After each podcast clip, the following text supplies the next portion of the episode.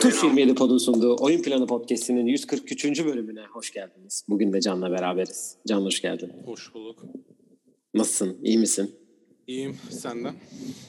İyiyim ben de.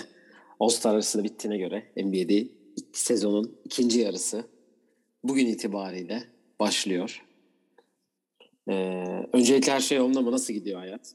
İyi. Ee, benim sezonum dün akşam playoff'ta birincisiyle kaybetmemizin üstüne sona erdi. Geçmiş olsun Evet, diyelim. lise sezonumuz aslında iyi, çok iyi hazırlanmıştık savunmada. Özellikle planımız çok iyi işliyordu da 13-11'e getirdik maçı. Özellikle ilk periyot 16 bitti. Onu söyleyebilirim. Ee, sonra ikinci periyot 13-11'e kadar getirdik. 2-3 tane boş üçlüğümüz kaçtı. Hani sanki orada öne geçsek ya da biz üçlük sokabilsek erken maç farklı olabilirdi ama biz sokamayınca biraz onlar da momentum arkasına aldı. Bir tane Division 3'e giden, e, rakipte Division 3'e giden bir oyuncu daha var. O da sokmaya başlayınca bir anda devrede 33-13'lük bir sonuçla devreye girince zaten. Ondan sonra çok yakın geçmedi. Evet ama bu şunu da söyleyelim hani bu e, Türkiye'deki gibi değil lise maçları şey e, süre olarak daha farklı. Evet 8 Evet, dakikadan şut 4 süresi. periyot oynuyoruz biz. Şut süresi yok falan o tarz böyle bir şey vardı senden hatırladım. Evet. Demin de söyledim zaten. NBA'de iki sezonun ikinci yarısı başlıyor artık. Buradan sonra Temmuz'a kadar her akşam maç var. Ee, Peki sence ikinci Bu- yarısı mı? ya tam ikinci yarısı olmuyor aslında. Tam 20 ama, maç mı ne kaldı ya çünkü. Hı hı. Yani ama buradan biraz da yarısına bakıyorlar. Yarısı olduğunu zannediyorlar. Ya, Yani öyle vakit şey olarak yapıyorlar. yarısına denk geliyor herhalde ya. Hı hı, olabilir. Ama işte şimdi bundan sonra başlıyor artık Evet. biliyorsun. Bakalım nasıl performanslar izleyeceğiz. Biz bugün ne konuşacağız? Bugün 2-3 tane NBA haberi var. Ee, şu 3-4 günlük boşlukta olan birkaç transfer haberi e, var. Ondan bahsedeceğiz. Ve bugün e, senin seçtiğin 10 adet 10 adet diyorum. 10 tane NCAA oyuncusu konuşacağız. Önümüzdeki e, ya, ne zaman yapılacaktı? Haziran'da. Haziran'da yapılacak NBA e, draftının ilk 10 oyuncusu olarak adlandırılan senin de e, daha önce Bilal ve Berkay'la yaptığın 10 oyuncuyu konuşacağız bugün. E, daha doğrusu yani ben sana isimleri vereceğim. Sen o yorumları yapacaksın. Ben çünkü birkaç tanesini izleme fırsatı yakaladım. Ona göre hepsine hakim değilim açıkçası. E, var mı eklemek istediğin bir şey yoksa haberlerden başlayalım mı? Yok haberlerle başlayalım. E, Goran Dragic e, Brooklyn'le anlaştı. Nereye gideceği merak konusuydu.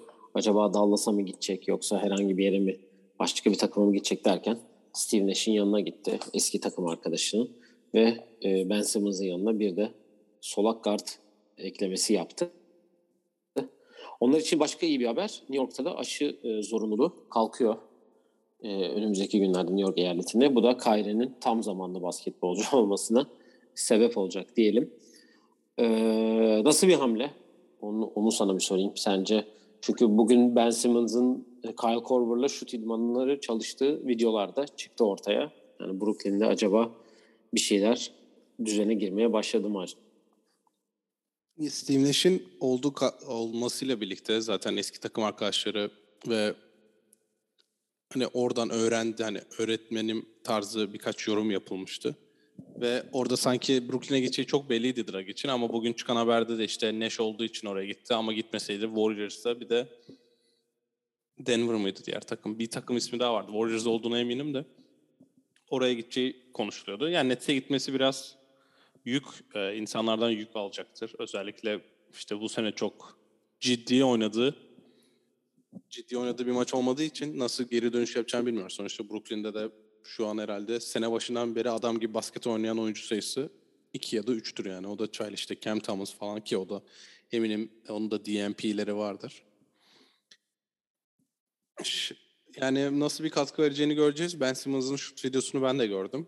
Ee, yani biz de basketbol oynadık. Öyle şut hadi ben şimdi şutör olacağım deyip de şut sokmaya başlanacak bir durum değil. Hani belki basketbol sahasında başka şeyler öyle oluyor. Mesela yok için savunmasındaki gelişmeyi görebiliyoruz. Bir off season'da çalış üstüne özellikle odaklanıp geliştirilebilecek bir olay da şut atmak zaten küçüklükten gelen bir yetenek yani. O yüzden o nasıl bir e, cevap alır bilmiyorum da Dragic'in gitmesi biraz sanki güvence olsun bu aşı olayı da olmadan önce. Hemen yani aşı basın toplantısı New York eyaleti tarafından yapılan daha sonra açıklandı da sonuçta Kyrie 2 numarayı da oynamayı öğrenmişken Harden varken Dragic almak güzel bir hamle. Herhalde Seth Curry'den ve Patty Mills'dan biraz playmaker'lık da alınacaktır diye tahmin ediyorum. Evet. e, bakalım nasıl olacak. Dragic nasıl bir artı katacak. Bu sene hiç maça çıkmadı o da. Toronto'ya takaslanmıştı biliyorsun sezon başında. Kyle Lowry takasıyla. Toronto ama- formasıyla maçı var ya. Ama lig maçı? Oynamadı. Bakıyorum. 5 maçta oynamış. Hmm. Evet. Ya ben çünkü videoları ben de oynamadı diye biliyorum. 90 dakika oynamış. Tam bir futbol maçı kıvamında Evet. oynamış diyelim o zaman. E, Demarcus Cousins e, Denver'la sezon sonuna kadar anlaştı. O da kontratına devam edecek. Yusuf Nurk için bir sakatlığı var. E, bir, bir hafta olmayacak. Pardon bir ay sahalardan uzak kalacakmış. Yine sezonun Mart geldi ve Nurk hiç bir sakatlık geçirdi yine diyebiliriz. E, ve son olarak da dün akşam çıkan bir Kemba Walker haberi var. O da sezon sonuna kadar oynamayacakmış. Yazın ona takas e, yerleri bakılacakmış. Eve dönüş onun için hiç iyi olmadı. Yani e, bayağı adam Boston'a gitti. Boston'da sakatlıklardan kurtulamayıp bir anda kariyeri aşağı doğru gitti. Çok acayip yani. Kemba'nın bu kadar düşüşü inanılmaz yani. E, şu an oynanan basketbolda biraz özellikle 2022'de yani bu sezon biraz kuralların değişmesiyle mi? Kurallar aslında değişmedi de maçın yönetilme, maçların yönetilme şekli değiştiği için biraz sertliğe fazla izin veriliyor. Ama Kemba Walker'ın Celtics'e başlamasıyla birlikte o sakatlık durumuna ki Charlotte'ta da sakatlandığını hatırlıyorum ben ama asıl Boston'da zaten o Gordon Hayward'dan gelen şanssızlıkla birlikte tamamen. Ee, bir kronik sakata döndü diyebiliriz. Ya şu an mesela ki ben Kemba Walker injury yazdım Google'a. 2020-21 sezonunda geçirdiği uzun sakatlığı söylüyor. 2022'de şimdi yine sakat. Yani yavaş yavaş e, kariyerinin sonuna doğru geliyor diye tahmin ediyorum. E, Boston denendi. Bir tık alt takım olan New York denendi. Oklahoma'ya gitti, buyout oldu. Oklahoma'da da oynamayacak. E şu an oynayacak çok takım kalmadı. Ligde de Kemba Walker gelsin de bizde backup guard oynasın ya da ona güvenecek bir takım kaldı mı çok emin değilim. İşte Bir tahmin yapacak olsam e, kalan işte Knicks, Knicks Boston, Oklahoma, Charlotte bunları çıkardım. Kaç? 26 takım kaldı. Kalan 26 takımdan kim e, Kemba Walker'a güvenir backup guard ya da üçüncü guard olma rolüne cidden bilmiyorum. Senin aklına gelen bir takım var mı? Belki Washington geldi şu an aklıma niyeyse. Washington'da şu an o pozisyona kim var? Şu Guard bile değil. pozisyonu. Seneye diye düşünmen lazım bir de. Yani evet ben Washington olabilir belki.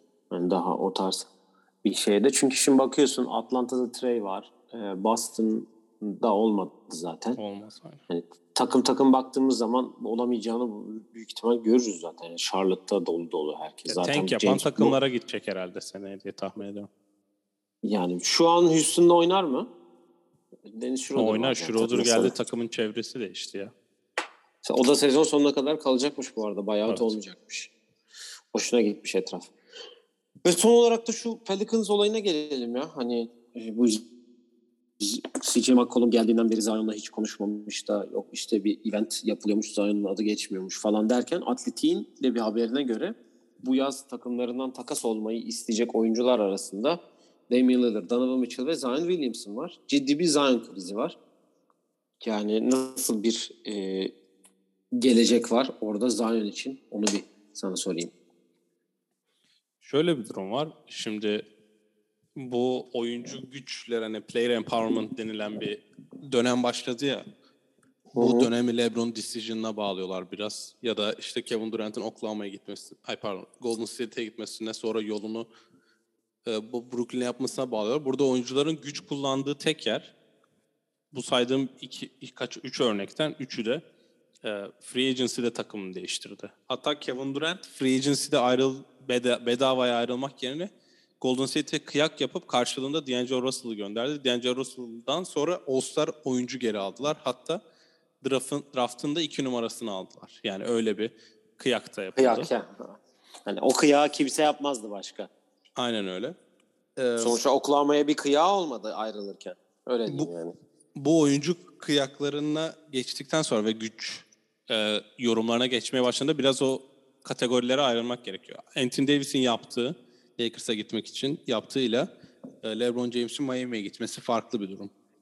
E, Russell Westbrook'la Chris Paul'un yaptığı belki kendi yollarını yaptılar okey. Ayrılmada mesela o da çok farklı bir durum.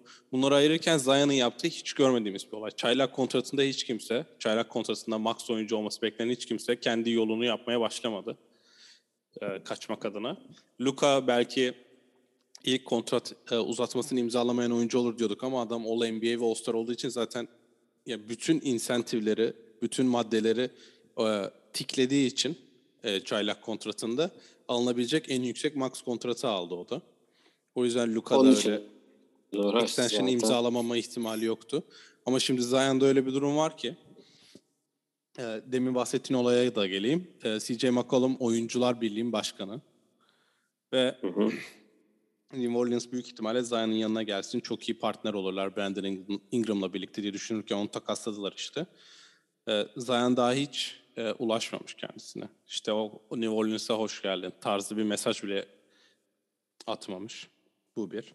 İkincisi 2022-2023 e, kombineleri reklamını e, kulüp üyelerine mail atarken e, New Orleans yönetimi işte 2022-23 biletleri sizi tekrar aramızda görmek istiyoruz. İşte bir salonda ve CJ McCollum, Brandon Ingram ve Jonas Valanciunas gibi oyuncuları izlemek için işte sizi görmek istiyoruz yazmışlar. Orada Zion adı geçmiyor ki öyle bir şey yazıldığında Zion adı yazılacak ilk kişi olurdu.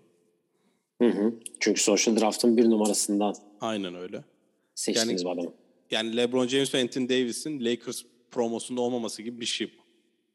Seneye Hı hı. çünkü ikisi de kontratlı oyuncusu. Bu ikinci olay. E, üçüncü olay da işte bu Zion'ın hiç gözükmediği zaten ortamda.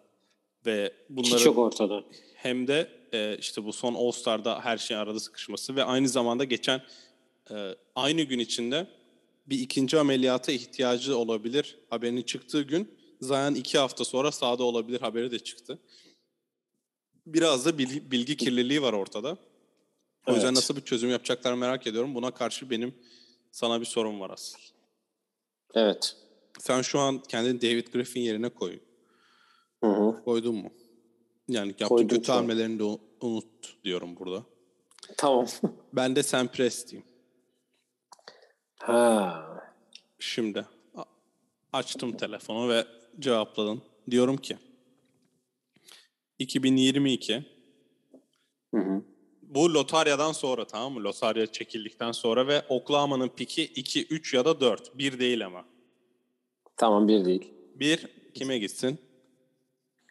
Orlando Ee, Magic'e gitse. Hadi ya, ya da yok Detroit'e de 2 sene arka arkaya vermesinler. Orlando'da evet. Orlando'ya, Orlando'ya gitti diyelim birinci sıra. Hatta gerçi sen prospektlere çok hakim değilsin ama e, Chet Holmgren kesin gidiyor bir diyelim hatta. 2, 3 ya da 4 bende. Ben arıyorum seni ve diyorum Hı hı. ki kadroda Shea Gilgis ya da Josh Giddey hariç istediğin herkes açık. 2022 2 3 4 hangisiyse o. Hı hı.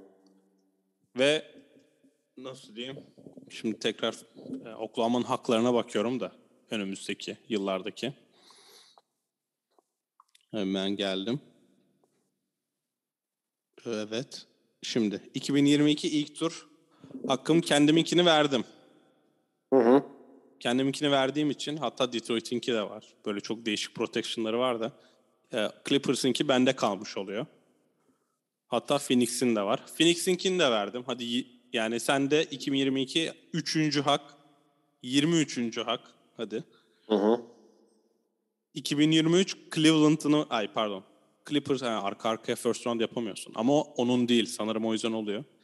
3 tane ilk tur hakkı Hı hı. Artı istediğim kaç oyuncu? artı istediğin herkese alabilirsin. Şey Gilgis ya da e, Josh Giddey hariç. Ve sana Zion'u vereceğim değil mi sadece? Evet ama Zion'la da ben Zion'a göz kırptım. O gelip benimle extension imzalayacak. Embiid'in imzaladığı gibi. Hmm. Ben kimi seçeceğim peki oradan? Onu ben sana bir ben. kere Lou Dort'u kesin vereyim mesela. Ya şöyle bir şey var. Pelicans'ın zaten ihtiyacı olan şey bir uzun bence. Tam da Zion gidiyor öyle düşün. İşte tamam Dort'u ver. Darius Bazley'i de vereyim hatta. Tamam evet o ikisi Jeremiah Robinson'u istediğin herkese al ya. Önemli değil. İstiyorsan Tamam. geri kalan bu sene Oklahoma formasıyla maça 23 kişi çıkmış. Gidi şey Gilgis hariç 21 kişiyi de al istiyorsan yani. Sence kabul eder mi Pelicans? Bence etmez. James Harden'a kaç David- pik aldı Rockets?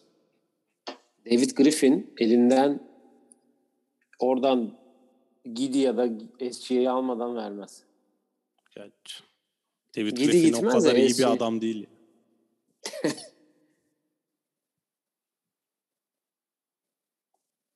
yani bundan daha iyisini bulamazlar bence bir de. Ama işte Zion'da olacak mı yani? Ben New Orleans'ta mutsuzum. Gidip şeyde gidip Oklahoma'da oynayayım mı diyecek onu merak ediyorum. Bunu ben bir arkadaşıma sordum aynı şekilde. Hatta 4 pick 4 pick 2 oyuncu. Zion'a da extension veriyorum dedim. Dedi ki Oklahoma yapmaz böyle bir şey dedi. Bence de yapmayabilir. Oklahoma Zion gibi oyuncu bir daha ne zaman alacak? Ama işte Zion oraya gittiğinde ne olacak? Ya o işte extension'ı veriyorsun artık 4 yıl daha sende. Zaten ben bir şey diyeyim Zion takas olacaksa extension'sız o hani işte Harden'da hemen öğrendik ya. Ee, extension'sız e, kimse takas etmez onu. Onu unutsun yani Doğru. bence. O yüzden ona göre bir karar vermesi lazım. Ben Oklahoma dışında cidden başka takas partneri bulamadım. Takas olacaksa baksana adamların kaç tane first round var. Hadi 6 tane gerçi James Harden'a 8 tane mi alındı? 7 tane miydi? Yok 3 normal 3 swap aldın. Nasıl siz Harden'a? Evet. Tamam 2 normal 2 swap veriyorum. O bence ama işte CJ McCollum alınca ya, yani 2 numaradan Paolo durum alınca var. bir anlamı kalmayacak anladın mı? Aynen. Evet. Ya şimdi bakıyorum acaba guardla guard mı eksik diye düşünüyordum. CJ geldi. Topu daha çok hani Yok Paolo dönük- da Jabari Smith çeker, çeker mesela 2 ise diyelim. Hı hı. Sanki Jabari gibi. Neyse oraya gelince ben konuşacağım şimdi. Evet. Evet, e, geçelim o zaman istersen. Yavaştan o tarafa diyeceğim ama önce benim konuşmak istediğim bir konu var. Evet. Şimdi bunu ben kaç zamandır söyleyeceğim. Söyleyemiyorum. E, Caitlin Clark. Dinleyenler diyecek ki kendisi kimdir? E, kendisi e, Iowa'nın, Iowa Üniversitesi'nin ikinci yıl oyuncusu, sophomore oyuncusu e, hanımefendi. Şu an NCAA bayan basketbolunu domine eden kişi. Kendisi de bu arada tek başına domine ediyor. E, bireysel olarak. Çünkü takımı şu an top 25'te 21. sırada. Yani takip edenler zaten e, ismini biliyordur. Bir de bildikleri isim Paige Buckers'tır zaten. Paige'i biz zaten konuşmuştuk ki geçen sene turnuvada Paige ile Caitlin karşı karşıya geldiğinde de bundan zaten bahsetmiştik. E, onu konuşmak istedim çünkü e, ciddi anlamda demin de dediğim gibi e, domine ediyor şu an ve 26 sayı 20 hatta 27 sayı 26.9 sayı çünkü 8 rebound 8 asistle oynuyor ve %45 de saha içiyle oynuyor. E, sana burada sorularım olacak. E, ona yavaş yavaş geleceğim. E, yani geçen sene e, 799 sayı atmış 30 maçta. Bu sene de 25 maçta 673 sayısı var daha. Yani bu sene öyle performansları var ki yani Michigan'a attığı 46 sayı var. Ohio de. 43 sayı atmış. Ee, Evanston bu ne bu? Ev, Even. O tam okulun şey bilmiyorum da 44 sayısı var. Yani Wisconsin'e 27 sayı, 11 Evansville. rebound, 11 asist. Evansville. Evans'ın benim Senin oturduğum orası. semtin adı abi. Michigan State'e 24 sayı, 10 rebound, 12 asist. Yani bunu yapan bir ikinci yıl oyuncusu. Ee, şu an hani biz hep Paige Buckers'dan konuşuyorduk. Belki o da bunları yapabilir diye. Hani bu kadarını yapamaz da sayı olarak daha iyi bir yerde olabilirdi diye düşünüyorduk. Yani çok acayip bir performansı var. Ee, sen senin yorumunu alayım sonra sana e, ona iki sorum var onunla alakalı. Onu söyleyeyim. Şöyle bir durum var. Biraz yani usage rate'i inanılmaz herhalde tahmin ediyorum. Ee, ko- kolejde erkek erkek kadın fark etmeden sanırım usage rate öyle çok bakılan bir olay değil. Ee, Ya da hesaplanan bir olay değil. Ama yani işte 29 sayı 8 rebound 8 asist 7 top kaybı yapan birinin mesela son maçta usage rate'i herhalde Luka Doncic seviyelerindedir diye tahmin ediyorum. Her maç minimum zaten 15 top atıyor. İşte 25-27 top attığı maç var.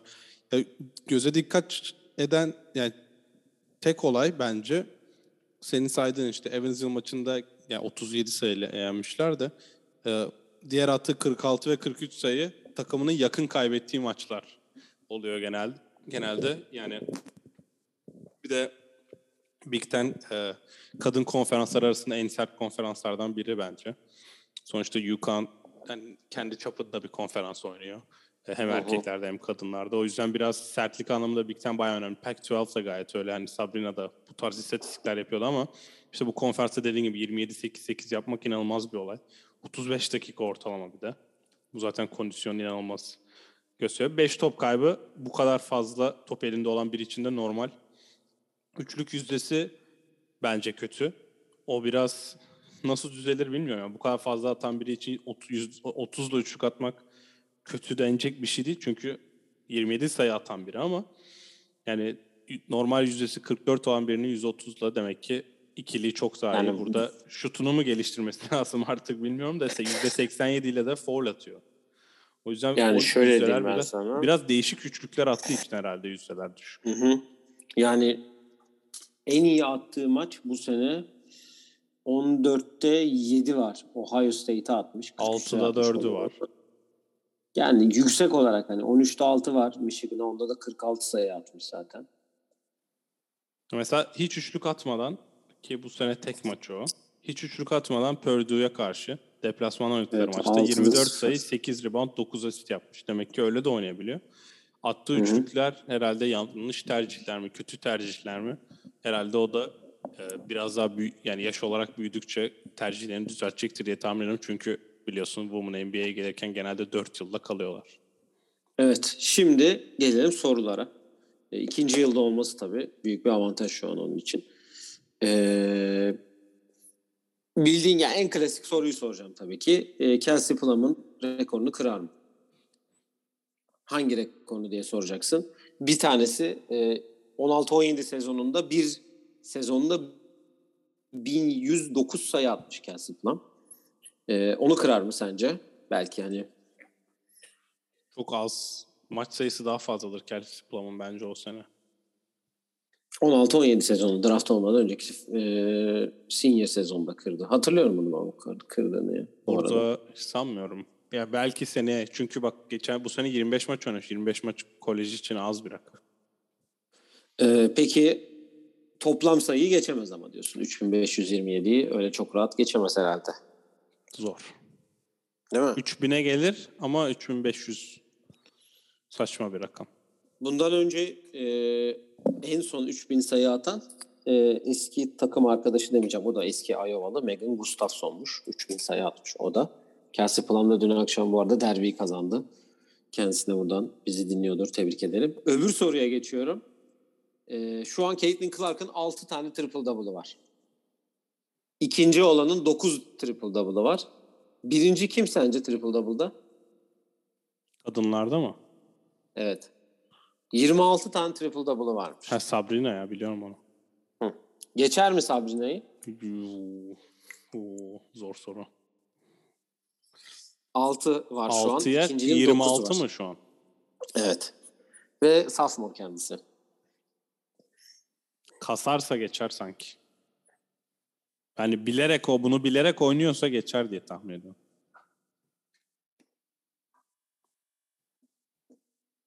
Sence? Bence geçer. Ya İnşallah sakatlık, Allah sakatlık falan vermesin. Çok çok iyi bir oyuncu çünkü gerçekten. Hani izlemesi, şey yapması. Sonuçta bu bir bayrak yarışı gibi her zaman. Genelde Women NBA'de Women NBA'ye çıkmadan önce oyuncular hep böyle bir bayrak oyuncu oluyor NCAA kadında. İşte AJ Wilson oldu, Breanna Stewart oldu, Sabrina drafttan önce oldu. Ondan önce işte daha eskileri gittiğimizde Taurasiler falan hani onlar hep bayrak oyunculardı biliyorsun.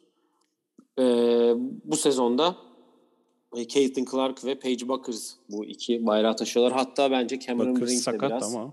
biraz geliyor gibi görüyorum. Alaya, ba- alaya bassın çok iyi South Carolina'da. Pivot Hı hı. olarak daha fazla ama bak Caitlin Clark geçen sene %40'la üçlük atıyormuş. Bu sene düştü diyorsun. Bak Caitlin Clark'ın geçen sene bulduğu üçlük sayısı Kelsey Plum'un 4 sezonunda teker teker bulduğu üçlükten fazla. 116 tane sokmuş. Kelsey Kelsey Plum son sene son sene 115 tane üçlük sokmuş sadece. Sonrasında 100'e bile gelmemiş ama bak bu sene sadece 64 tane isabet bulması e, kötü bir rakam yani ve yüzde tabii ki yüzdesi de çok düştüğü için de yani onun dışında baktığında istatistiklere işte foul yüzdeleri çok yakın. İkilik yüzdeleri ikilik yüzdeleri de aynı 44. İkisi de 35-37 dakika oynuyor. Ama Kelsey'nin sezon maçları 34, 33, 37, 35. Yani toplam son 100 sezon 31.7 sayı ortalama. 139 maça çıkmış. Caitlin Clark daha geçen sene 30, bu sene 25 maçta. Ee, Normal sezonda 2 maçları kaldı, 27. Turnuvada 8'e kaldılar, 30 maç yani. Zar zor 30'u görüyor Caitlin Clark. Bakalım göreceğiz takipte kalacağız tabii ki de ama Cameron Brink ismini de unutma bu arada. Onu da Evet evet. söyleyeyim Geçen yani. sene zaten şampiyon olmuşlardı. Hı hı. Bu sene de iyi oynuyor. Onu da tekrar zaten e, Kadınlar Koleji'nde e, konuşmaya devam ederiz. Women NBA'de yaklaşıyor bildiğiniz üzere. Onu da söyleyeyim. Evet gelelim asıl konumuza artık bence. Gayet hani konuştuk, öyle yaptık, şöyle dedik derken. Şimdi önümde benim 10 tane oyuncu var. E, iki tane farklı yerden. Şimdi belli bir sırayla sen bana yolladın. Hı hı. Ee, ben de e, iki tane farklı siteden mock draft buldum ve sana konuştuğumuz sıradaki insanları kaçıncı olduğunu mock'ta sana söyleyeceğim. Ee, bir tanesi dün E ESPN'in açıkladığı, diğeri de e, NBA Draft Room'un 21 Şubat'ta açıkladığı bir sıra. Ya, Bleacher Report almadığın için teşekkür ederim. Evet evet yok almadım bilerek. Ee, NBA Draft Net'i de almadım çünkü onlarınki çok es- eskiydi. 10 Evet. Şubat'ta mı ne yapmışlar? Buradan da dinleyen varsa sana da söylemiş olayım. Dinleyen, bakmak isteyen varsa tankaton.com Ha, onu ben de güzel, gördüm. Güzel bir site. Onlar update iyi de yapıyor. İyi bilgi de veriyorlar. Orada istatistiklere tık diye bakabiliyorsun mesela. O da güzel oluyor. Evet, e, zaten daha önceki kolej yayınlarında da konuştuk. E, sen de zaten hem Berkay'la hem de Bilal'le bunu yapıyorsun. Oradan da sizi takip edebilirler aynı zamanda. Bu yayınlarınız da devam edecek diye düşünüyoruz. E, daha önce de konuştuğumuz gibi chat'ten başlayalım. Şu an chat Holmgren ESPN'in sitesinde e, birinci sırada gözüküyor. NBA Draft Room'un sitesinde de ikinci sırada gözüküyor. 14.4 sayı, 9.6 reboundda %62 ile oynuyor Chet Holmgren. Ya chat'te şöyle bir durum var. Ee, chat konuşurken genelde o üçlüyü biraz ayırmak gerekiyor. Çünkü seviye olarak baktığında hani bu tier'lara ya da sınıflara ayırırken e, Chat, Jabari ve Paulo üçlüsü başka bir sınıfta olacak bu draftta büyük ihtimalle. Sıra olarak 1-2-3 Hı hı. gitmeme ihtimalleri var. Ama e, Chat aralarından bence hayal ettir şöyle bir durum var. Bu sınıfta ona en baştan söyleyelim insanlar sonra bu ne kadar kötülermiş diye bir şey olmasın. Bu sınıfta bir Ja Morant, Luka Doncic, Trae Young, LeBron James, Kevin Durant diye bir adam yok. Yani o seviye bir oyuncu yok onu söyleyelim. Olurlarsa Lamelo belki Ball var mı?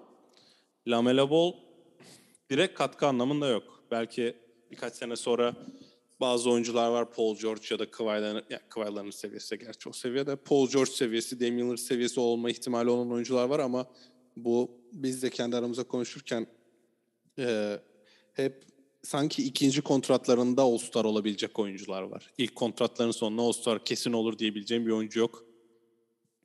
Bu böyle bir sınıf ama bu sınıfta da bu üçlü kendini ayırıyor. Chet en çok ayıran kendisini. Çünkü böyle bir fizikte, böyle bir atletizm, böyle bir basketbolcu daha önce görmedik. Yani iki senede aynı fizik ve aynı kalitede iki oyuncu göreceğiz. Bir tanesi Chet Holmgren, seneye de Victor Wembanyama- var. e, Fransız oyuncu. E, Chet fiziksel olarak ne kadar ince, ne kadar zayıf olsa bile e, çember korumada gayet üst seviye bir oyuncu. Hatta buradan PJ Pipes'a da selam söyleyeyim. Kendisi iki kere karşılıklı oynadı. Sanırım üç kere blok yedi chatten. aynı zamanda ya Chet Gonzaga'ya gitti ve Gonzaga da NCAA'nin en iyi oyuncusu diyebileceğimiz Drew yanında oynamasıyla o sorumluluğu da azaldı. Hani çok muhteşem oynamasına gerek yok her maç. Diğer oyuncuların öyle bir zorunluluğu var diyebiliriz. Ama Chet'te öyle bir durum yok. Yaşı da biraz büyük olacak draft günü ama ben uzun planlı olan bir takım Orlando Magic, e, Houston Rockets, Detroit Pistons çok uzun planlı olacağını düşünmüyorum ama en azından diğer saydığım takımlar birinci sırada olacaksa Chet sanki kesinlikle bir gider diye düşünüyorum. Ya Chet çok uzun zamandır bir de bu hani hep söylediğimiz e, ne onun adı? İşte çok tanınan bir oyuncu oldu. Çok tanınan bir oyuncu işte Time Out, işte bu Instagram hesapları var ya. Hı hı. Oralarda overtime. çok gözüken overtime işte oralarda çok gözüken bir oyuncu olduğu için zaten hani dediğin gibi Paolo, Chet ve Jabari'yi oradan ayırma o üçlüyü diğer oyunculardan ayırmamız gerekiyor ama bu draft için hep söylediğimiz şey daha fazla rol oyuncuları, daha e, hani kariyerinde dördüncü, beşinci senesinde ilk defa All-Star olacak e, oyuncular sanki gibi gözüküyor. Ya şöyle bir durum var. Chat'te ya bu NBA ne kadar uzun fazla lig olsa bile uzun oyuncular sakatlanıyor ve sakatlıktan kaçan uzun oyuncu ben hatırlamıyorum. Ne yazık ki ya basketbolda zaten artık sak- büyük sakatlanma yan oyuncu kalmadı gibi bir durum. Bu da işte tempodan olabilir, işte ayakkabılardan olabilir mesela, işte parkeden olabilir. Yani her türlü başka nedenler var ve Chet'in oyunu ya da işte Jabari'nin oyunu benzeyen bir oyuncu diyebileceğimiz fiziksel gelişim sağlaması gereken oyuncu olacak herkes. Büyük ihtimalle Paulo dışında. Ee, hı hı. Ama Porzingis'e benzetilse, Porzingis görüyoruz şu an sakatlığından dolayı adam çok kötü bir takıma takas edildi. Burada sağlıklı kalmak çok önemli olacak ve Chet gibi 2-13, 88 kilo bir oyuncu. Ee, NBA'ye girer girmez o 20 kilo alınır e, miti var. O mit gerçek bir olay. Ve, ve bu gerçekleştikten sonra kendi bacakları o ağırlığı, dizleri, ayakları bu ağırlığı taşıyabilecek mi ona da çok dikkat edilmesi gerekiyor. Bir Yannis programı yapmak lazım ona.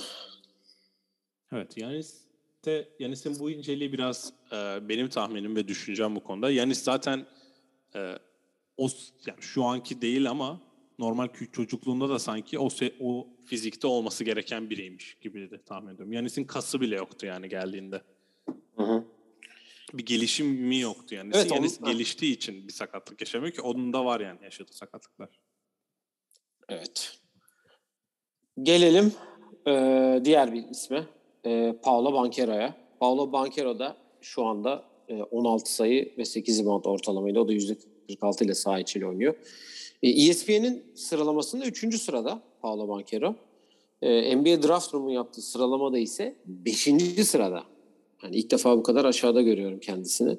Yani ben de herhalde şu an o ilk üç arasında en büyük soru işaretini yaratan oyuncu. Ki bu iki oyuncudan bir tanesini de Houston'a yazıyorlar. Yani özellikle e, Houston hesaplarında ben Bankero ile ilgili herkeste bir soru işareti görüyorum. Hani olacak mı işte bu terleme mevzusu var onu konuşmuştuk zaten hani nasıl bir şeyde olacak bu mit mi gerçek mi nasıl bir şeyde falan. Şu an biraz sanki e, göz e, yani böyle şeyden çekilmiş gibiler. O sezon başındaki hype yok. Herkes turnuvayı da bekliyor. Tabii şimdi konferans turnuvaları da başlayacak yavaş yavaş. Oraları bekliyor insanlar. Daha şey yapabilmek için. Çünkü hani dediğin gibi bu draftta kesin bir bir numara olmadığı için hani bu insanlara biraz daha hani e, şöyle diyeyim genel olarak draftta turnuvada iyi oynayan oyuncu da biraz sanki yerini belli edecekmiş gibi görüyor ki bence Bankero'nun da e, biraz daha öyle olması, öyle olacağını hissediyorum ben. Dediğin gibi e, bu üçlüde Paulo'yu öne çıkaran olay şu an NBA'de oynayabilecek olması. E, Çetin mesela, Çet ya da Cabani girip biraz alışması sürebilir ama Paulo attığın an sahaya katkı verebilecek bir oyunda. Hem oyunu profili o yönde hem de fiziksel olarak o yönde. Ancak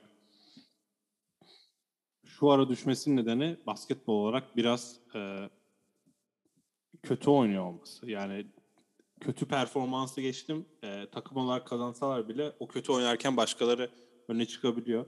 Ve bu performansı eleştirme konusunda yani eleştirebilecek en üst seviye oyuncu yani seviye olarak oyuncularda en üstte adı gelen kişi çünkü şu an NBA'de oynaması oynayabileceğini düşündüğüm bir adam kolejde kötü oynuyorsa eleştiriyi hak ediyor demektir. Bunu belki Chet ya da Jabbar için söylemeyiz. Zaten gelişmeleri lazım ama Paolo'da bir tık tersi var. Ben domine etmesini bekliyordum. Çok domine etmiyor da demeyeceğim ama bence beklentiyi karşılayamadı. Yani çok iyi freshman sezonlarına baktığımızda geçmişte Kevin Durant'in var, Michael Beasley'nin var, Derrick Rose'un e, takım finale taşıması var ki e, iki gün önce Kalipari'nin belgeselini tekrar izlediğimde orada gördüm. Derrick Rose 34 galibiyet alıyor o takım Derrick Rose liderliğinde. Hı hı.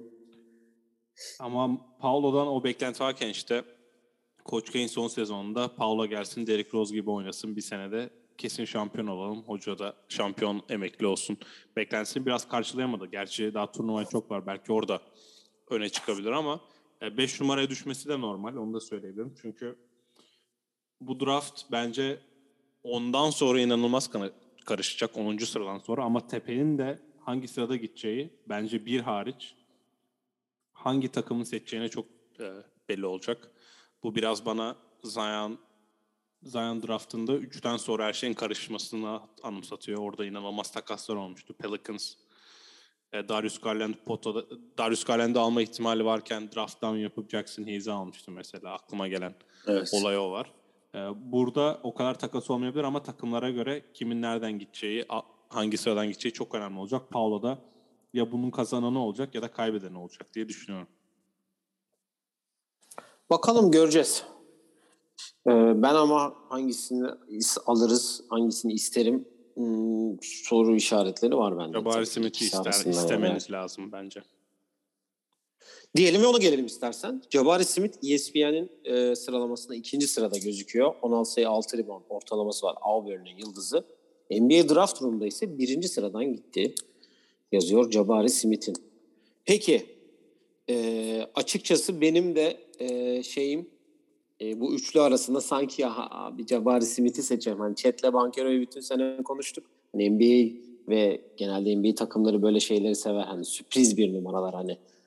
Sonuçta Darko Milicic de ikinci sıradan gitti. Yani Carmelo mu gidecek, o mu gidecek derken Darko Milicic de ikinci sıradan gitti. Kimse beklemiyordu. Hani Jabari Smith acaba birden gidecek kadar iyi midir? Şimdi bu üçlüden bir tanesi biri gitse hiç sürpriz olmaz onu söyleyelim. O yüzden çok sürpriz o konuda beklemiyorum. Ama Jabari'nin şöyle bir artışı var. E, stok artışı. Bir kere babası eski NBA oyuncusu. Zaten o yaşam tarzını, o ait, babasının zaten kendi videoları var. İlla istemek isteyen bulabilir. Babası da anlatıyor. Benden daha iyi oyuncu olmasını istiyorum tarzı. Jabari'nin kötü stokla başlamasının nedeni bir yıldız rolüne bürünmemesiydi. Yani Paulo gibi çıktı ben bu takımın yıldızıyım. Ben her topu ben atarım. Her topu atmasa bile top benim üzerimden döneri yapmadı. Çünkü namarip giden bir takımın bir parçasıydı ama Florida'ya kaybettikleri maçta son topu bile Jabari'nin kullanmaması ya da ondan önce kaybettikleri maçta hani Jabari üzerine oynamaması bu guardların da biraz nasıl diyeyim biraz yürekli oynamasıyla birlikte Bruce Pearl e, kendisi çok sevdiğimiz bir arkadaşımız değildir ama hani direkt bu takımın yıldızı Jabari verin o oynasın. E, mesajını verdi ve onunla birlikte tamamen stoğu artışa geçti ki ben e, bir ya da iki gitse çok şaşıracağını düşünmüyorum. Paulo'yu kesinlikle sıra olarak üstüne çıktı ve hak ediyor. Houston Rockets için de şöyle bir şey diyeyim. Christian Wood'la yollar kesin ayrılacak gibi gözüküyorken böyle biri chat ya da yani chat çok uzun dönemli bir olay olacak ve şu an e, bilmiyorum koç değişikliğine gidecek mi ama bu organizasyon olmadıkça Chet'i hem hücumda hani savunmada bir etki sağlar ama hücumda nasıl bir etki sağlayacağı biraz organizasyon gerekiyor. Jabari'de organizasyon kötü olsa bile kendine illa bir yer bulur. Özellikle Alper'in çok iyi tamamlayacağını düşünüyorum. Alperen Chet birlikte çok değişik bir ikili olur ama Jabari muhteşem uyar diye düşünüyorum. O yüzden bir Houston Rockets'lı olarak bence sen Jabari'yi dilenmeye başlayabilirsin diyebilirim. Dilenelim o zaman. Sana evet. inanalım ve dilenelim Çok o zaman. Yani baya yani bu e, draft sınıfına özellikle ilk turdan gidecek oyuncular arasında keskin şutör bir oyuncu yok. Ama şutör birini kes, ver bana atıyorum NBA'de en iyi Keegan üçlük yüzdesi olacak. gözüküyor. En iyi üçlük yüzdesi olacak diyeceğim biri varsa ben kesin Jabari Smith diyorum. Vallahi birazdan konuşacağız ama Keegan Murray'i ben çok beğendim. O çocuk da iyi şutör. Evet. Yani o birazdan bahsedeceğiz. Evet. Jaden Ivey. Pürdüğü gardı. Guard'tı bu çocuk. Evet guard. Evet. Evet. 17 sayı ortalaması var. Ee, ESPN'in sıralamasında. Dördüncü sırada ama NBA draft turunda da üçüncü sıraya yükselmiş gözüküyor. Çok iyi bir hype'la başladı. Ee, arkadan yani Pürdue'nun da başarısında çok büyük bir e, katkısı var tabii ki de hatta e, başrolde. Pürdue'nun namalip giderken ki sonra bir ara kaybetmeleri falan filan derken üstüne e, şu an bir dediğim gibi sessizlik var. Sence bu draftın en iyi gardı mı? Şöyle bir sıkıntısı var. Bu draft'ın en iyi point kartı demeyeceğim. Çünkü onu daha sonra değineceğiz. Ve bu yani Jaden Ivey geçen ben tweetini de attım. Bütün sene bütün sene Ja Morant cosplay yap, yaptı. Ve hala yapmaya da devam ediyor. Ama en büyük eksisi Ja Morant. Yani fiziksel olarak neredeyse yakın olsalar bile e, Jaden Ivey NBA'de ben bir numara oynayacağını düşünmüyorum. Bir numara oynayabileceğini gösterseydi birinci sıradan giderdi. O kadar da eminim buna. Onu da söyleyeyim. O kadar. Çünkü sayı topu verelim. Topu verelim sayı atsın iki numarası var mı şu an NBA'de senin aklına gelen? Topu verelim. Topu ve Jaden Ivey fiziğini söyleyeyim bu arada. Damian Lillard fiziğinde Hı hı. topu verelim sayı atsın iki numarası var mı? Asla bir oynayamayan ama. Yok. Yok. evet, Evet. yok. E, o yüzden O bir numara oynaması, anlaşılıyor. e, bir numara oynaması gerekecek. E, asist olarak e, aynı takımda bulunan Travion Williams var kendisi. E, eski Purdue'lu e, Caleb Swanigan'ı fiziksel olarak ve oyun olarak da biraz anımsatıyor ve 50 numara da giyiyor. Hatta üstüne üstlük. Hı hı. İkisi de üçer asist yapıyor. Yani takımın yedek yedekti artık ilk beşe geçti Williams'a. Yedek pivotuyla topu en çok elinde olan oyuncunun aynı asist ortalaması yapması biraz soru işareti. O yüzden Ivy'ye ben çok yüksek değilim ama turnuvada şov yaparsa tabii işler değişir. Çünkü ben o gazı alacağını düşünüyorum. O gazı alacak birkaç oyuncu var bu listede. Ivy de sanki onlardan bir tanesi olur. Evet. e, bir sonraki isme şöyle. Senin yazmadığın bir isme geçeceğim. Çünkü NBA Draft Room'un sitesinde dördüncü sırada olup ESPN'in de sekizinci sırada olup Sheldon Sharpie. Shaden Sharp. Onu çok diyecek bir şey yok. Kentucky de bu sene oynamıyor. Aralıkta lise mezunu olup geldi. İkinci dönemde oynama hakkı kazandı. Koç Kalipari bu sene oynamayacak. Önümüzdeki sene de Kentucky'nin lideri olarak aramızda olacak dedi. Hı. O yüzden 2022 draftına gireceği kesin değil. O yüzden e, ben sana atmadım Yazmadım. listede aslında. Ha, ESPN'de dördüncü sırada pardon sekizinci sırada öbür tarafta dördüncü sırada görünce onun notunu almışım buraya. Ondan onu bir yazayım dedim. Listede diğer olmayan bir oyuncuyu da o zaman söyleyeyim. Nikola Jovic 7. sıradan yazmışlar draft room'da. Kim yazmış ya onu yediye? Draft room'u yazmış. Vay anasını. Nikola Jovic'i hediye mi yazmışlar? Evet. Diğer e, baktığın sitede var mı Jovic? E, ESPN'de yok. Draft Evet. room'da var. Çünkü Belli. e, Nikola Jovic'in ilk tur şöyle bir durum var. Ben e, Mega Bmax'ta oynuyor işte Mega Lex diye bilinen e, Mi- Mişko Raznatovic'in kurduğu takımda oynuyor. E, geçen Hı hı. sene herkesin de bildiği gibi özellikle Türk dinleyicilerimiz zaten başka dilde olamaz. Ya herkesin bildiği gibi Sertaç takımdan ayrılınca e, yerine Filip Petrushev geldi ve ben Petrushev'in neredeyse her pozisyonunu izledim. Yani acaba Sertaç'ın yerine olur mu olmaz mı? Bir beklenti içine soktum kendimi. Çünkü Petrushev draftta oldu. Ee, 50'lerden Philadelphia'ya gitmişti yanlış hatırlamıyorsam. Son Benim- anda draft olmuş. Evet benim hani beklentim izlediğin zaman o seviyeyi ve o ligi hani Sertaç'ın yapabileceklerini saha içinde Efes'te rahat rahat yapabilecek bir oyuncu olarak gözüküyor. Rahat rahat derken Sertaç seviyesinde iki gömlek altını yapabilecek bir oyuncu olarak gözüküyordu. Geldi hiçbir şey yapamadı Petrushev. Sağda bile kalamadı. Ne kadar iyi ya da kötü oynasa bile sonuçta o boşluğu dolduramadı. E şimdi ben Jovic'i izlerken özellikle e, bu işte Petrushev hep bir e, düşünce olarak aklımda olduğu için Jovic'i e, rate'lerken de işte onun hakkında düşünce sahibi olurken de biraz soru işareti oluyor bende. Şu an Tankaton'a bakıyorum. Onlar da 17. sıraya yazmış. İlk ondan giderse Jovic ilk ondan gidiyorsa çok değişik draft olur. En azından onu söyleyebilirim. Evet. Topu yönlendiren arada- Avrupalı oyuncu olmadığı için Jovic bu arada bu kadar yüksek onu da söyleyelim. Petrushev de bugün girdi oyuna sonlarda. E, Maccabi karşısında öndeydi Efes uzun süre. O ara oyuna girdi. Petrushev gitti Evet. oğlum. Yok. Hayır ya oynadı bugün. Ayrılmadı mı Petrushev? Hayır. Canan Musa ile mi karıştırıyorsun sen? Hayır hayır. Girdi abi bugün oynadı. Maçı izledim. Ben okuduğum her yerde Petrushev'in takımdan ayrıldığı yazılıyor. Evet 4 Evet dakika sen ona oynamış. bak. İşte görüyoruz o.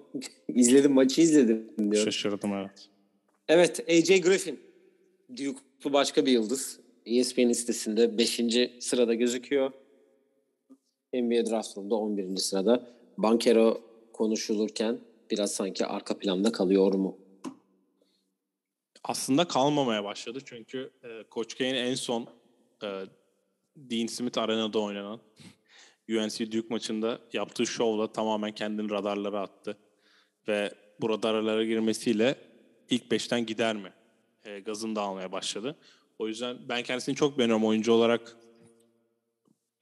Paul George benzetmem aslında biraz buradan geliyor.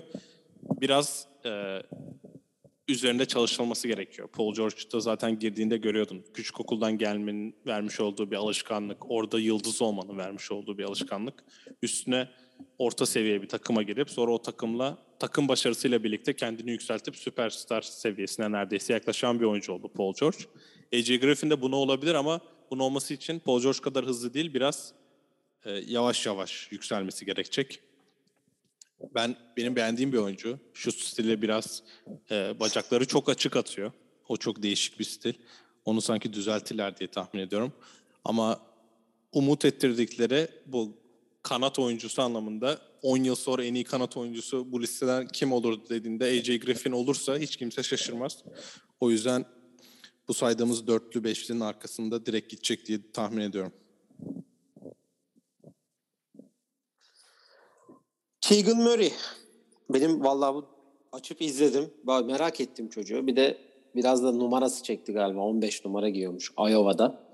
Ee, 9. sırada yazmış. İki draft e, sitesi de hem E ESPN hem de Draft.com'da ikisi de 9'a yazmışlar. Ee, şu an bu e, ekipteki en skorer oyuncu. 23.5 sayı ortalaması var ki %56 ile atıyor. Ya ben de şöyle bir oyununu izleme fırsatı yakaladım.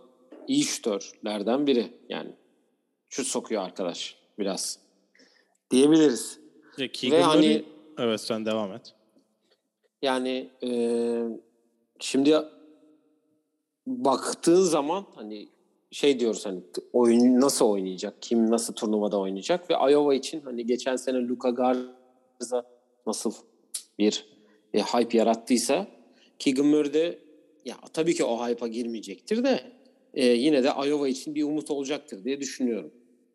Turnuva anlamında sonu konuşuyorum ama tabii bu turnuva da benim benim düşüncemde draft'ta etkileyeceği için e, Keegan Murray de ilk ondan rahatça gidecektir diye düşünmekteyim.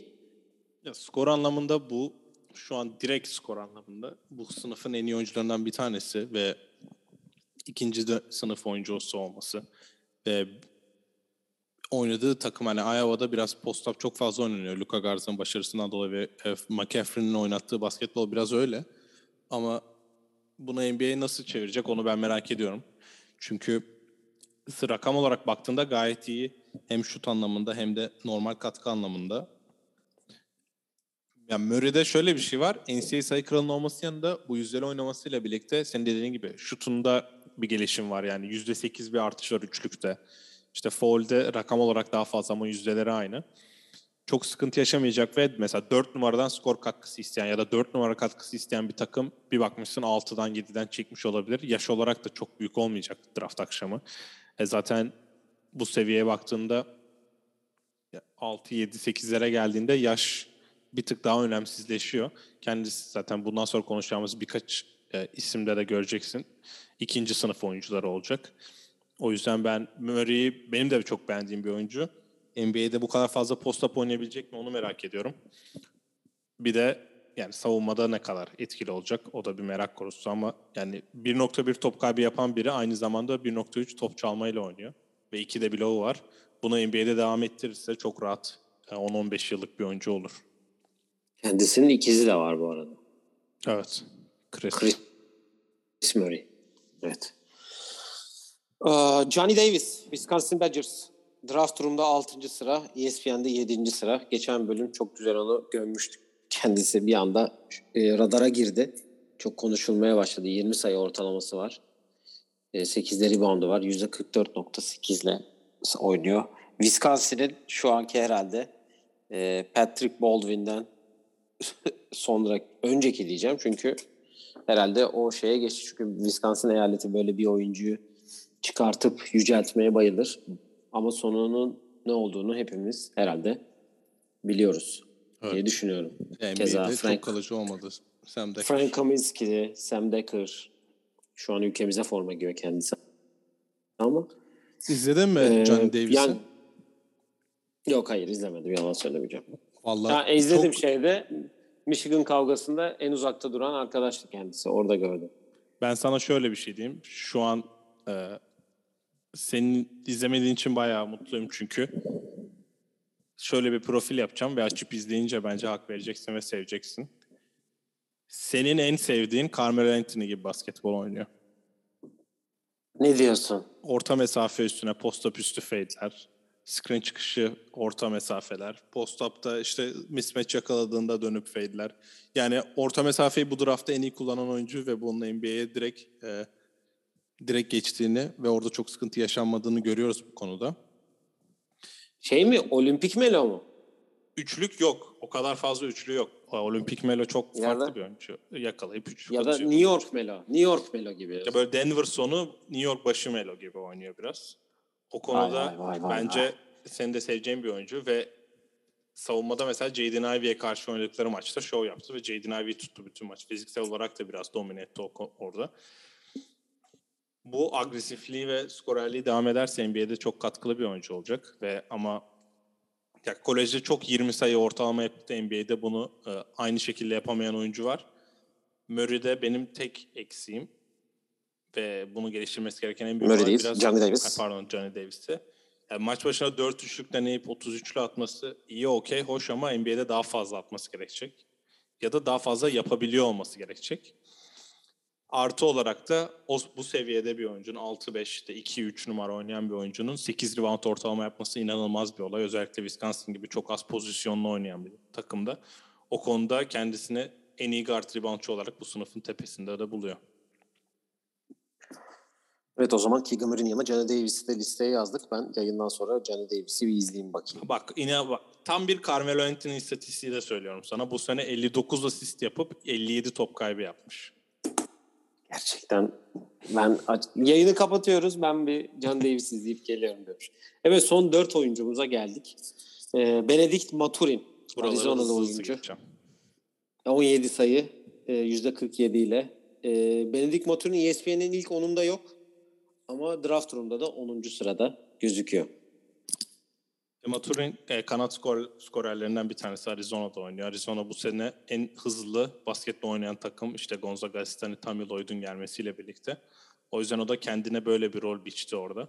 Çok da rahat ve savunmacı olarak kanat savunmacı aralarında en iyilerden bir tanesi diyebiliriz. E, en büyük eksisi hani kendi adına çok yaratıcı bir oyuncu değil. Bu biraz e, rolünü kısıtlıyor olabilir çaylak olarak ama dediğim gibi bu sınıf zaten bir süre sonra bir süre sonra geçim ikinci kontratlarında çok üst seviye olabilecek sınıfa giren oyunculardan bir tanesi. O yüzden ilk ondan gitme ihtimali de var ama mesela 13-14'e düşse şaşırmazsın. Çünkü onun profili yerine başka profile yönlenmişler demektir. Evet. Vallahi hiç bilmediğim bundan sonraki oyuncular bir işte bu arkadaşı biliyorum. Bu arkadaş da herhalde draft stoğu, draft sezon başında en yüksek olup da en düşük olan şu an Jalen Duren. ESPN hala ondan umutlu. 6. sıraya yazmışlar. E, ama draft turunda da 15. sırada. Yani e, dediğim gibi draftın sezon başında en yükseklerinde olan oyuncu şu an ilk onun bile dışında kalabilme ihtimali var ki bu da Memphis'teki kötü gidişten herhalde en çok etkilenen oyuncu. Hem öyle hem de ya buna biz çok değiniyoruz ve Duran konusu açıldığında benim hep söylediğim bir şey Javel McGee, işte Willie Cauley-Stein, işte Yeni kontrat aldı Clint bu arada. Hani bu seviye oyuncular evet Capela çok büyük bir kontrat aldı da demin saydığım oyuncular işte 5 milyon 6 milyon işte minimum veteran minimumu o fiyatlara Dwight Howard veteran minimumuna bu tarz oyuncular almışken 10. sıradan benim Jalen Duran'a niye 6-7 milyon vereyim sorusunun ce- cevabı olmuyor. Çünkü topu verdim e, işte pick and roll'de rol üstü pas yapan daha 2-3 kere daha yeni yapmaya başladı diyelim. Şut desen orta mesafe ilk 20 maç denemedi neredeyse. Ve bunları üste koyduğunda smaç yapsın, blok yapsın oyuncusu Damien Jones da yapıyor mesela. Evet aynı seviye değiller ama hani örnek olarak bu isimler geçiyor. O yüzden Duran'ın Stone'un düşmesi kendi suçu %40 kendi suçu %60 2022 NBA basketbolu diyeceğim. Ha pardon %40 kendi suçu %40 2022 NBA basketbolu %20 de Penny Hardaway'in suçu. Ve şimdi şey bu arada Memphis Hans Emanuel'e de teklif yapmış bu tek kolu olan e, basketbolcu. Var ya Evet. J. Cole'la geçen şey Evet, yapmışlar. evet. Ona da teklif yapmışlar. Güzel bir hareket olmuş. Jaden Hardy. G League Ignite. E, ESPN'in ilk onunda o da yok. Draft turunda da 19. sırada. E, 17 sayıyla oynuyor. %35 gibi bir şeyi var. Yani geçen gün ben e, yani o kadar maç yoktu ki bu e, Cleveland'ın G League takımı Canton Charge'la G League Ignite'ın All-Star'da yaptıkları maçı e, izledim. E, orada yani Jaden Hardy'yi izlemek istemedim yani. Bu G League işi olmayacak herhalde gibi gözüküyor. E, çünkü geçen seneden gelen G League oyuncusunu biliyoruz, gördük.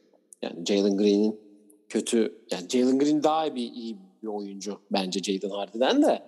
Hani e, başka da çıkmadı. Hani Jonathan Kuminga da çok fazla e, konuşulmadı. Todd keza aynı şekilde.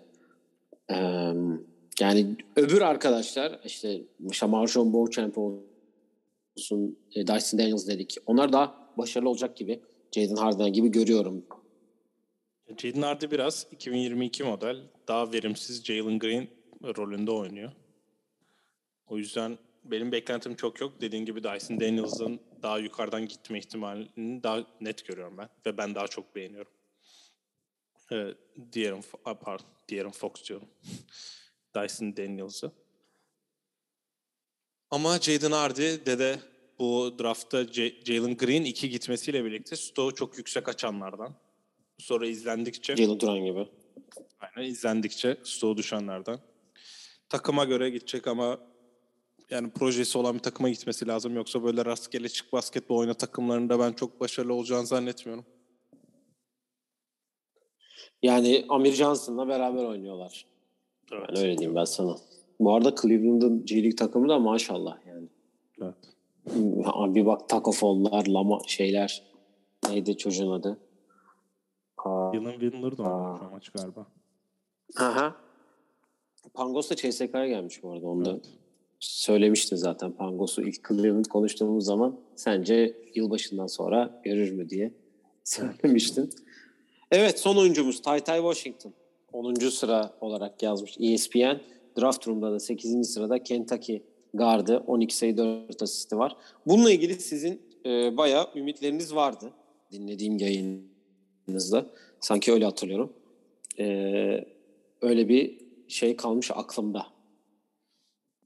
Tyson Washington'ın ve o konuda bizim çok beğenmemizin nedeni asist ve playmaking anlamında bu sınıfın en iyisi olması. Asist rakamlarına baktığında da zaten bu sınıfın en iyisi olduğu açıkça ortada. Bir maçta 18 asist yapmasıyla birlikte bunu da kanıtladı. John Wall'un asist rekorunu kırdı Kentucky'de. Bu ara bir sakatlığı var. O sakatlığı acaba sonu değişir mi, sezonu kapattı mı? Daha o konuda bir haber yok. Ama point guard dendi mi? En iyi point guard olduğu için bu kadar yukarıdan gitme ihtimali var. Çünkü e, point guard anlamında kötü bir sınıf olacak bu. E, kalite anlamında Hı diyelim. hı. Biraz başkalarının sayesinde de bu kadar yukarıda ama bu kadar yukarıda olmayı da hak ediyor onu da söyleyeyim. Evet, 10 oyuncuyu konuşmuş olduk senin yolladığın e, listeden diyeyim. Senin seçtiğin 10 oyuncuyu da böylelikle e, yavaştan da draft yavaştan önce tabii ki konferans turnuvaları sonra NCAA turnuvası ve drafta doğru böyle ilerleyeceğiz. Ağzına sağlık. Zaten e, orta mesafe ekibiyle de güzel bir draft yayınınız var. Ki bu konuyla ilgili de bir çalışmanız da var. Onun spoilerını da şimdiden vermeyelim. Ama çok güzel bir şey geliyor. Twitter'dan bunları tabii ki bizleri takip ederek bulabilirsiniz diyelim. Var mı eklemek istediğin herhangi bir şey? Yok. E, zaten turnuva gelecek. O zaman da takım takımda konuşmaya da başlayacağız. Evet, e, pazartesi panorama ile geri dönüyoruz. Tekrar NBA'den panoramamıza e, başlayacağız. Sezon sonuna kadar artık yani normal sezonun sonuna kadar e, devam edecek biliyorsunuz. Arada perşembe günleri de kolej gibi ve konseptlerimizden devam edeceğiz. Top 5 gibi şeyleri konuşmaya. E, o zaman pazartesi günü görüşmek üzere diyelim. Bizleri sosyal medya hesaplarımızdan takip edebilirsiniz. Sorularınız varsa yollayabilirsiniz diyelim. Bir sonraki yayında görüşmek üzere. Kendinize iyi bakın. Hoşçakalın. Hoşçakalın.